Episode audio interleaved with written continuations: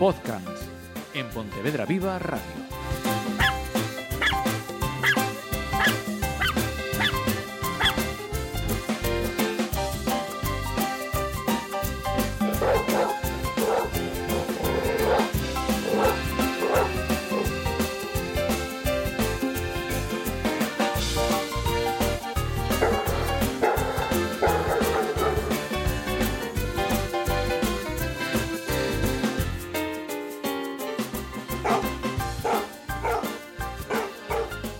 Hola, saludos. Llegamos a otro programa, otro podcast de podcasts y conmigo ya pues eh, la parte imprescindible para, para este programa. Diego Álvarez, bienvenido de nuevo. Muchas gracias. Hoy vamos a hablar de, de la llamada y como comentaba Diego así a modo de, de broma, no, no estamos hablando de que los perros aprendan a hablar por teléfono. No, no, no, era lo que les faltaba ya. Cuéntanos, eh, ¿qué, no- nos vamos a aprender hoy? Vamos a, dar así un- unas- una serie de pautas para que los perros eh, respondan mejor a, la llamada. Para mí la, la llamada es un, comando fundamental, debería ser el más importante, que todos los perros eh, acudiesen cuando, cuando los llamábamos. Ahorraríamos muchísimos problemas, eh, desde situaciones de riesgo como atropellos, a perros que van por la, por la alameda y van a mendigar bocadillos a los niños, eh, incluso perros que son reactivos y tienen una buena llamada, haciendo la llamada evitamos situaciones de conflicto, entonces debería, todos los perros deberían de, de- de Ujú. acudir a la llamada. Lo normal es eh, ver a, a- a guías llamando y llamando y llamando a su perro y muchas veces hasta la cara del perro es en plan, mira, están llamando ahí a un perro y no hace caso. Entonces para mí es, es totalmente fundamental. Eh, estaríamos hablando, corrígeme si no es así, entonces de, mm, de obediencia, ¿no? Sí, es obediencia, sí, Vale, correcto. perfecto. Pues entonces, eh, ¿por dónde vamos a comenzar? Lo primero de todo es eh, recordar un poco lo, lo de siempre. Dado que el perro trabaja por asociaciones, eh, el nombre del perro siempre debe estar asociado en positivo. Debe estar asociado pues con caricias, con premios, con juego. Nunca debemos hacer una asociación en, en negativo, con castigo. O sea, bueno, nunca debemos de castigar, desde luego físicamente y tampoco psicológicamente al perro. Pero si, si hay algún tipo de asociación negativa con su nombre, pues lógicamente el perro, al llamarlo, no, no solo no va a venir, sino que es muy probable que ni siquiera nos mire. Eso, eso es fundamental. Yo a la hora de trabajar las llamadas eh, procuro recomendar que se haga un listado de, de- de cosas que, que- que distraen al perro, ¿vale? Eh, esos estímulos los podemos organizar de menos a más, lo cual nos va a permitir a la hora de trabajar la llamada trabajar con poco estímulo e ir subiendo progresivamente los estímulos para que el perro eh, vaya respondiendo, no acumular errores, que eso ensucia muchísimo la llamada, y así tengamos a- eso, un perro mm, con un control que en un momento dado tengo que hacer la llamada por lo que sea, llamo a mi perro y, y- y que venga.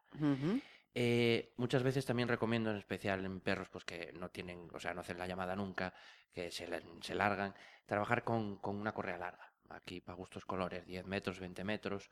Un truco bueno es en, en este tipo de, de correas hacer nudos cada aproximadamente 50 centímetros o así, para que si el perro sale disparado podamos pisar la, la cuerda, porque si lo sujetamos con la mano es muy probable que nos quememos. Entonces de esta forma pisamos, el, el nudo se atasca con el pie y el perro no, no, no sale disparado.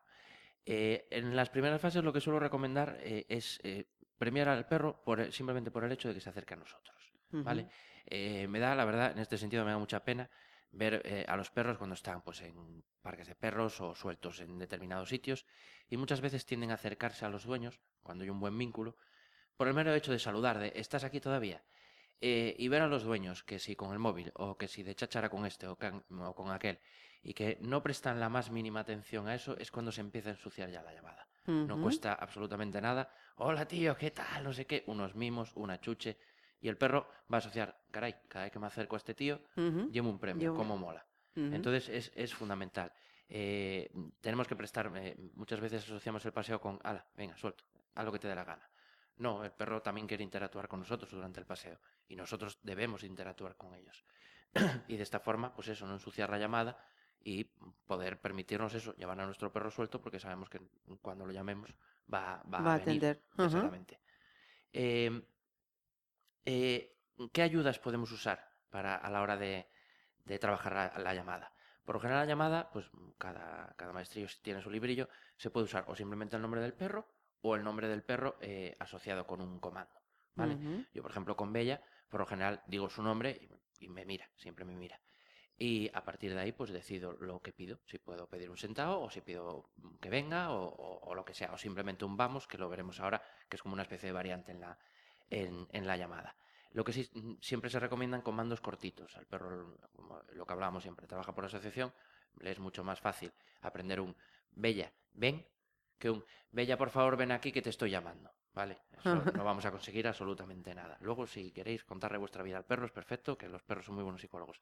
Pero lo que son comandos en obediencia, que sean cortitos. ¿vale? Evidentemente los tenemos que decir con, con una voz agradable, ¿vale?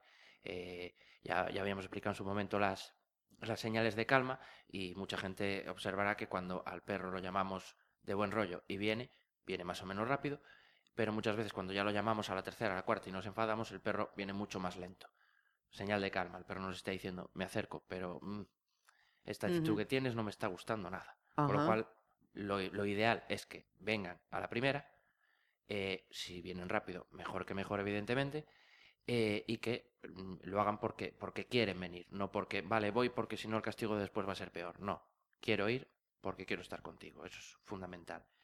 Eh, se pueden usar para reforzar en la llamada, una llamada, pues digamos, más, más, más rápida y que la atención haya sido inmediata, eh, premios de palatabilidad alta. Es decir, que el perro viene muy rápido, pues en vez de darle un cacho de su pienso o un cacho de salchicha, pues le doy pechuga de pavo, hígado, algo más sabroso. Y para cuando las haga más lentas o, o no, ha- o no vino la primera, eh, pues darle eso, un premio menos palatable. ¿Vale? Es el sueldo. La diferencia es, haces un muy buen trabajo, te doy mil euros. Haces un trabajo normalillo, te doy 500. Es exactamente lo mismo. Es muy importante que eso, mira, de hecho no lo había ni apuntado aquí y, y es fundamental. Venga cuando venga, nunca podemos ni reñir ni castigar. Estaríamos ensuciando la llamada. Es decir, te he llamado 15 veces y vienes a la decimoquinta, aunque ya estemos enfados, evidentemente hay que intentar evitar que sean tantas llamadas. Esperar, sí. Exactamente. Eh, eh, aunque sea la decimoquinta, siempre te tengo que premiar. Porque si no, lo que vamos a hacer es que en vez de la decimoquinta venga a la decimosexta. Con lo cual eso es, es importantísimo. Em, a mí hay un ejercicio que me encanta. Yo cuando paseo con Bella me gusta mucho, mm, evidentemente si la llamaba a venir, pero me gusta que esté a su bola, pero que esté pendiente de mí. Hay un ejercicio a mí que me encanta que es el, el vamos. En vez de un ven, el ven ya indicaría hasta ven hasta donde yo estoy. Hay gente que cierra el, el- el ejercicio con un sentado, hay gente que no. Depende de la estabilidad que quieras dar al perro. Eh, pero a mí el vamos me encanta. Yo con el vamos lo que le indico a Bella es voy a cambiar de dirección. O sea que estate pendiente de mí y sígueme. ¿Vale? Eh, si en un vamos Bella se me acerca, le puedo premiar. Si está en mi proximidad. Si simplemente lo que ha hecho es cambiar la dirección y seguirme, vale, le digo muy bien gorda. Y ya está, más que, más que suficiente. Eh, otra forma de conseguir que la llamada sea más intensa es en el momento que llamamos a nuestro perro, no esperar simplemente a. El perro está a 50 metros y que tendemos. Le hacemos la llamada, el perro va viniendo y cuando llega damos el premio. No cuesta nada eh, confirmarle al perro que eso es lo que le hemos pedido.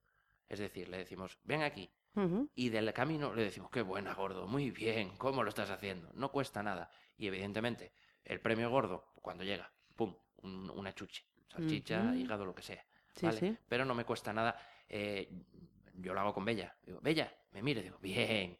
Vale, ya estoy confirmando. Eso es lo que quiero de ti. Y ahora te doy otro comando. Te lo voy confirmando y luego ya te lo refuerzo, pues eso, con un premio palatable, que es lo que más, lo que más le- les, les suele gustar.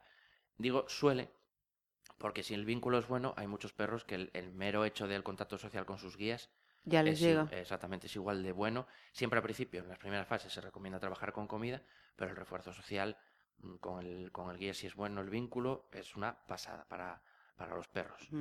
Eh, la llamada no debemos de practicarla una vez, se acabó. No. Durante un paseo, durante una suelta, debemos de practicarla varias veces. ¿Vale? Lo que comentábamos antes, siempre de menos estímulo a más estímulo.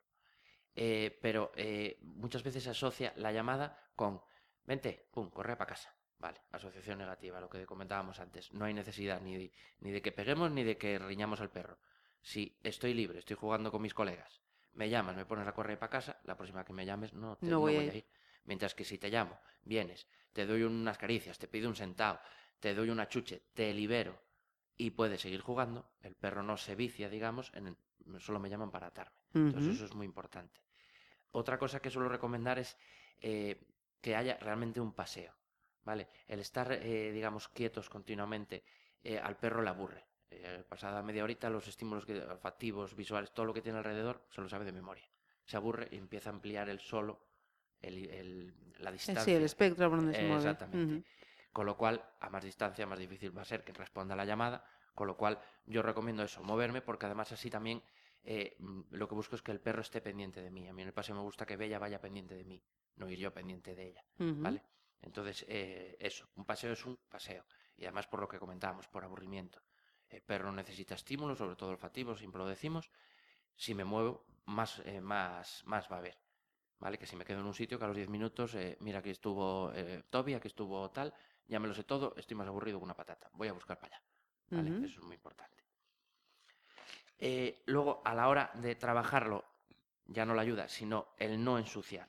La, no ensuciar la llamada Eh, que está repitiendo. Ajá. Evidentemente, evitar lo que comentábamos antes, asociaciones de, de- de tipo negativo, sea castigo físico, sea castigo psíquico, eh, o solo llamar para atar. Eh, hay que pro- mm, eh, procurar evitar acumular errores. ¿Qué quiero decir?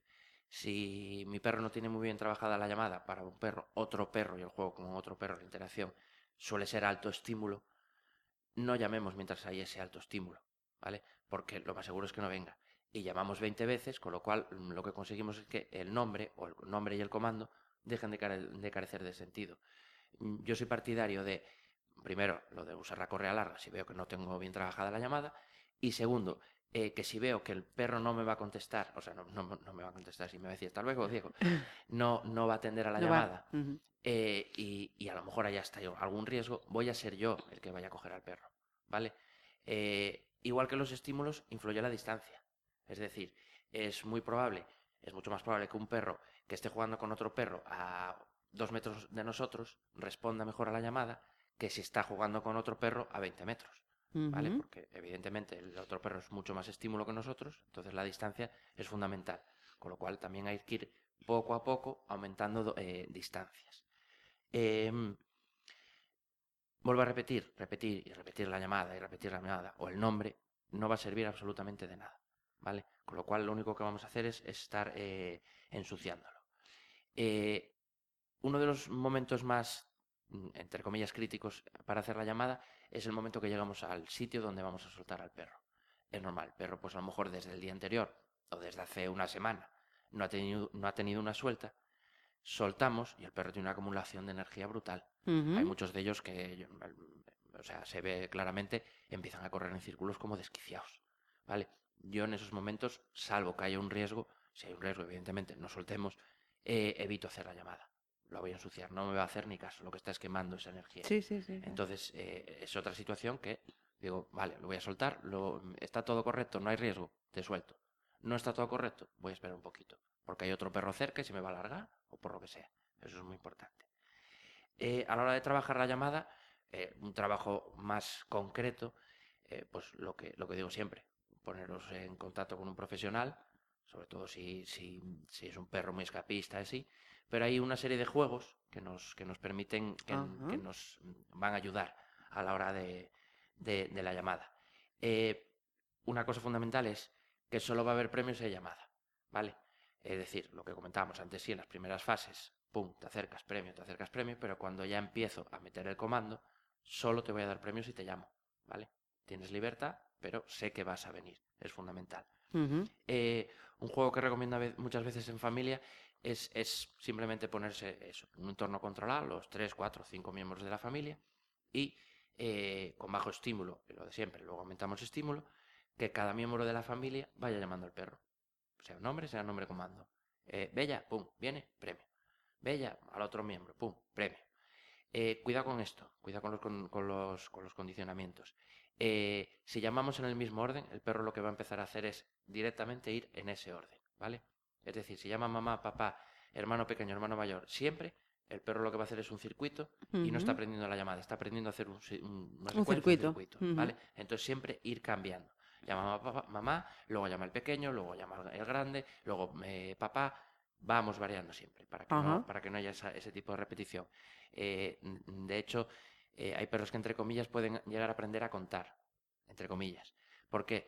Porque eh, hay mucha gente, no recuerdo muy bien si habíamos eh, hablado de reforzamiento continuo y el variable, creo, que- creo No, que no me suena. Vale, pues lo explico ahora, que no estaba incluido, pero yo soy así, lo incluyo. Cuando trabajemos cualquier tipo de, de comando con el perro, en, en obediencia, un sentado, un tumbado, siempre se suelen usar dos tipos de programas de reforzamientos. Hay otro, el de los 300 picotazos, que está, está muy bien, pero bueno, por lo general se usa el reforzamiento continuo y el reforzamiento variable. Un reforzamiento continuo es todas las veces que me das la conducta, te premio. Y un reforzamiento variable es te premio unas te- y otras no. ¿Qué entiende con esto la gente? Te premio la 1, no te premio la 2. Te premio la 3, no te premio la 4. Vale, ¿qué aprende el perro? A venir cuando me llamas a la primera, cuando me llamas a la tercera, cuando me llamas a la quinta. Vale, aprenden a contar. No, un reforzamiento variable es te premio a la 1. Durante otras dos no te premio. Durante 5 sí te premio. ¿Qué es lo que conseguimos con esto? Que el perro tenga una expectativa, independientemente de que siempre va a haber un premio al final, porque sea de comida, sea una caricia, sea verbal, siempre va a haber un premio. Evidentemente la comida mola mogollón. Si te premio a la 1, a la 2 no, el perro a la mm, y a la 3 tampoco, por ejemplo, a la cuarta va a decir, yo por si acaso voy a ir, porque igual me cae la chuche y coño, mo- mola Sí, sí. ¿vale? Entonces, eso es un programa de reforzamiento variable. Entonces, por eso digo que pueden aprender a contar. El reforzamiento variable es eso, variable. Si no sería, pues no sé si es alternado o algo así. ¿Vale? Con lo cual, eso es muy, muy, muy importante. Eh, otro juego que a mí me gusta hacer, precaución, ahora os explico, con, con perros con, con cierta timidez, es el escondite. ¿Vale? Eh, favorece muchísimo que el perro esté pendiente de nosotros. Eh, estamos eh, pues por el monte, paseando, el perro se adelanta, me escondo. ¿Vale? Y que me busque. ¿Por qué digo precaución con perros con timidez? Porque a veces se bloquea. Y en vez de tirar de olfato, tiran de vista. No te veo, pues tiro anchas Castilla o incluso los hay que tiran para casa. En ese caso, es muy recomendable salir de donde estemos escondidos, hablar alto y movernos bastante para que nos localice y nos busque. Si no es un perro de este tipo, es un ejercicio genial. Aún es más, si seguimos escondidos y llamamos, vamos a favorecer que el perro nos busque por el olfato en vez de por la vista. Con lo cual, estamos cubriendo el ejercicio que, que, como de- siempre decimos, más me gusta. El, el olfato. Olfato. Exactamente. Eh, lo que comentaba antes, el, el famoso vamos. ¿vale? Yo una forma que tengo de, de- de trabajarlo es yendo con correa sitios controlados. El perro va caminando delante sin tirar de la correa. Ya haremos un programa de mm, cómo hacer que un perro no tire de la correa. Eh, y simplemente lo que digo es el nombre y digo, vamos. Inmediatamente tiro la correa al suelo y salgo a disparar en la dirección opuesta en la que estaba caminando el perro. Cuando el perro llega a mi altura, le doy un premio, unas caricias, muy bien. ¿Vale? El movernos rápido siempre va a activar más al perro. Eh, en ese sentido, sobre todo eso, en el vamos. Si le digo un vamos, el perro me mira y yo salgo a disparar en la, en la otra dirección, para el perro va a ser, coño, ¿qué pasa? Descolocado. Exactamente, y va a venir lanzado. ¿Vale? Eso ayuda un montón. Eh, otro juego es eh, el, el que alguien de la familia, de, la familia, de- o sea, de- con los que veo al perro, Del entorno, sí. Exactamente. Eh, eh, llame al perro mientras otra persona, que puede ser o no ser de la familia, bueno, que no sea tampoco un desconocido, que si no el perro se puede llevar un susto fino, sujeta al perro, sea con correa, sea por el collar, por donde sea. Eh, ponemos el premio delante de la nariz del perro, nos vamos alejando dici- diciendo su nombre, hasta un momento en el que nos quedamos parados y decimos el nombre otra vez. En ese momento la otra persona suelta y el perro suele venir mangado, ¿vale? Es una forma también de enseñar la llamada, lo que decíamos antes, nombre o nombre y comando, eso ya para gustos, pa gustos Colores. exactamente. Eh, aquí eh, te- se puede uno hasta inventar ejercicios. Yo, por ejemplo, una cosa que hago con Bella es que eh, si está comiendo su comida, ¿vale? Eh, yo estoy en la cocina y ella está en el salón, la llamo, va a venir y va a llevar siempre un premio más interesante que la comida que esté comiendo. Em, Con Bella a veces es complicado porque Bella come comida natural. Pero, por ejemplo, está comiéndole un, un- un pollo, la llamo, pues a lo mejor le doy hígado, que sé que le va a gustar más. ¿Vale? Entonces eh, es otro juego interesante. Eh, aquí hay un- una, una frase que siempre uso que es, la gente le digo, eh, ¿acude a la llamada? Sí, sí, suéltalo. No, no, que se me escapa. Entonces no acude a la llamada. Dice, bueno, en casa cuando lo llamo viene. Y digo, mira, en casa cuando lo llamas vienes por do- viene por dos motivos. Uno, porque no tiene pulgar y dos, porque no tiene copia de las llaves. Si no, probablemente se largase. ¿Vale? Un perro que ni siquiera en casa viene, muy mala señal. ¿vale? Somos, en casa somos, salvo que el perro esté, pues eso, con un hueso o algo así, se supone que somos el estímulo más grande. Y lo interesante es eso, que siempre, eh, sea por refuerzo de comida, por refuerzo social, por caricias, tal, siempre tenemos que ser lo más interesante para el perro. Que el perro cuando lo llamemos y venga, venga diciendo, "Mm, madre mía, estoy viendo a Dios. ¿Vale? Eso es importantísimo. Y en principio, eh, eh, no te he dejado ni hablar hoy. Nada, no, Hoy no, no, no, yo sí, aquí el que sabe eres tú. aquí el que sabe eres tú. Pues en principio, mm, eh, como truquillos y como eso, parte mm, que hay que hacer y que no hay que hacer para la llamada, eh, habrá 400.000 cosas más, pero bueno, si sirve de ayuda eso, pues para que la gente se anime y que em, yo creo que uno de los, eh, de los motivos, o por no decir el único, eh, por lo que los perros no pueden ir sueltos en las ciudades, es porque los perros no obedecen. ¿vale? No saben, eh, no saben ni sentarse, no saben, eh, sobre todo alto estímulo, no saben obedecer a la llamada. Entonces, evidentemente, si yo estoy con mi hijo en la Alameda, está comiendo un bocata, viene un, un perro y se lo intenta robar, pues evidentemente yo amo a los perros, pero a esa persona, como mínimo, le va a caer una bronca, si no una denuncia. Entonces, es fundamental que los perros tengan la llamada. El resto, mm, trucos y tal, son geniales, les viene muy bien a los perros, pero un perro, si no tiene una buena llamada, que vamos a tenerlo todo el día atado, como quema energía. No Ajá. tiene sentido. O sea, de- digamos que, que en, el, en el entrenamiento canino eh, la, la llamada sería, si no el primer mandamiento, de los primeros. Desde luego que sí. O sea, no suele ser muchas veces el que primero se enseña, pero sí que es el, el fundamental. El cualquier disciplina eh, deportiva, sea agility, sea mondiorin, sea RCI, en todas, eh, de hecho en muchas en la, la parte de obediencia incluye eso, eh, o tienes un perro con una buena obediencia o no, es que no vas a poder directamente ni competir ya. Entonces es, es básico. Ajá. Mira, y, y otra cuestión en estas explicaciones que nos estabas dando cuando hablabas de, de los paseos y las sueltas, de, mm, de alguna manera entendía que, que el, el perro eh, al final eh, aprende esa, esa rutina de, de ese espacio. Entiendo entonces que sería bueno eh, cambiar de, de espacios a Eh, que... Sí, sí, sí, lógicamente. Bueno, aquí depende del perro, pero em, hay muchos perros que, por ejemplo, obedecen mucho mejor a una llamada cuando están en un entorno que no conocen, sobre todo perros inseguros, que cuando están en el entorno de siempre. Porque se lo conocen todos, se sienten más seguros y tienden a alejarse más. Eh, es como cualquier cosa, es decir, eh, un perro se sabe sentar en casa probablemente y enseñándole a la chuche, sí. ¿Un perro se va a sentar en el parque de perros rodeado de c- de 10 perros que están corriendo? No. ¿Por qué? Porque no ha habido una generalización.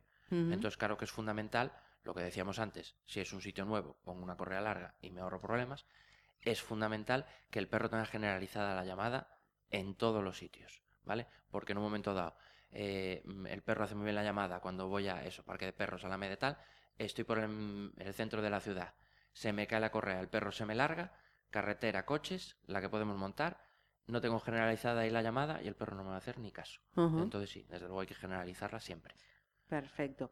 Eh, mira, mirando a los libros, ¿qué nos, qué nos recomiendas Bien, hoy? hoy, hoy un- un- traigo un libro de, a mí es uno de los autores que más, que más me gusta, que es James O'Hear, y es Ciencia y Técnica del Adiestramiento Canino, ¿vale? Es un libro de buen nivel, no es un de andar por casa, digamos, es muy, muy legible, además James, eh, James, sabes que yo quedo con él todos los días para tomar un café, eh, tiende a, hacer en todos sus libros un resumen al final de cada capítulo que está muy bien explicado, entonces a mí de Jason cualquier libro y este mm, además es bastante actual.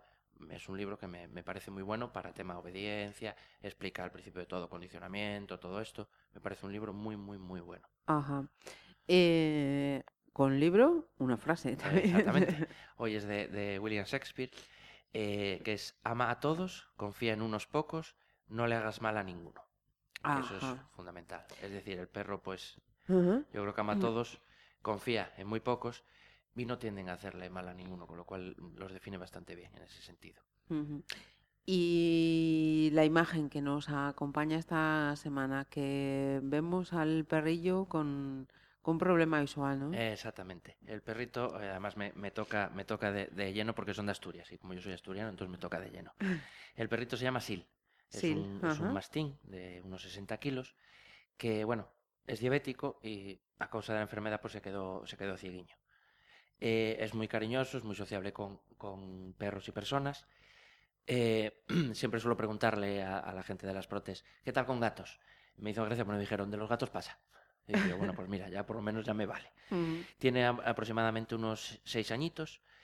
Eh, es muy tranquilote, muy propio del- de los perros amastinados, suelen ser perros muy tranquilotes. eh, creo que lo tenemos comentado alguna vez. Por lo general, mm, cuanto más grandotes suelen ser más tranquilos y cuanto más pequeños suelen ser más, ner- más nerviosos. Y es de la, de la protectora Occidente Astur. Eh, en, en esta ocasión no hay número de contacto. Mm, Lo que nos recomendaron es que entréis o a través de su Facebook, que es Protectora Occidente Astur, o a través de su página web, que es apaoccidenteastur.com. Repetimos, APA, A-P-A, ¿no? Exactamente, Ujú. occidenteastur.com, que esa sería la web, y el Facebook es Protectora Occidente Astur, y ahí ya podéis ver, bueno, pues así ya, ya los que mm, los tantos que por desgracia están en, en protectoras muy bien atendidos, pero por desgracia no viven con, con una familia. Y lo de siempre, podcast.gmail.com, Dudas, correo. sugerencias. Lo que queráis, invitarme a cenar, no tengo problema ninguno. no- no hay Con problema. o sin bella. Exactamente. Muy bien, Diego. Muchísimas gracias. Gracias a vosotros.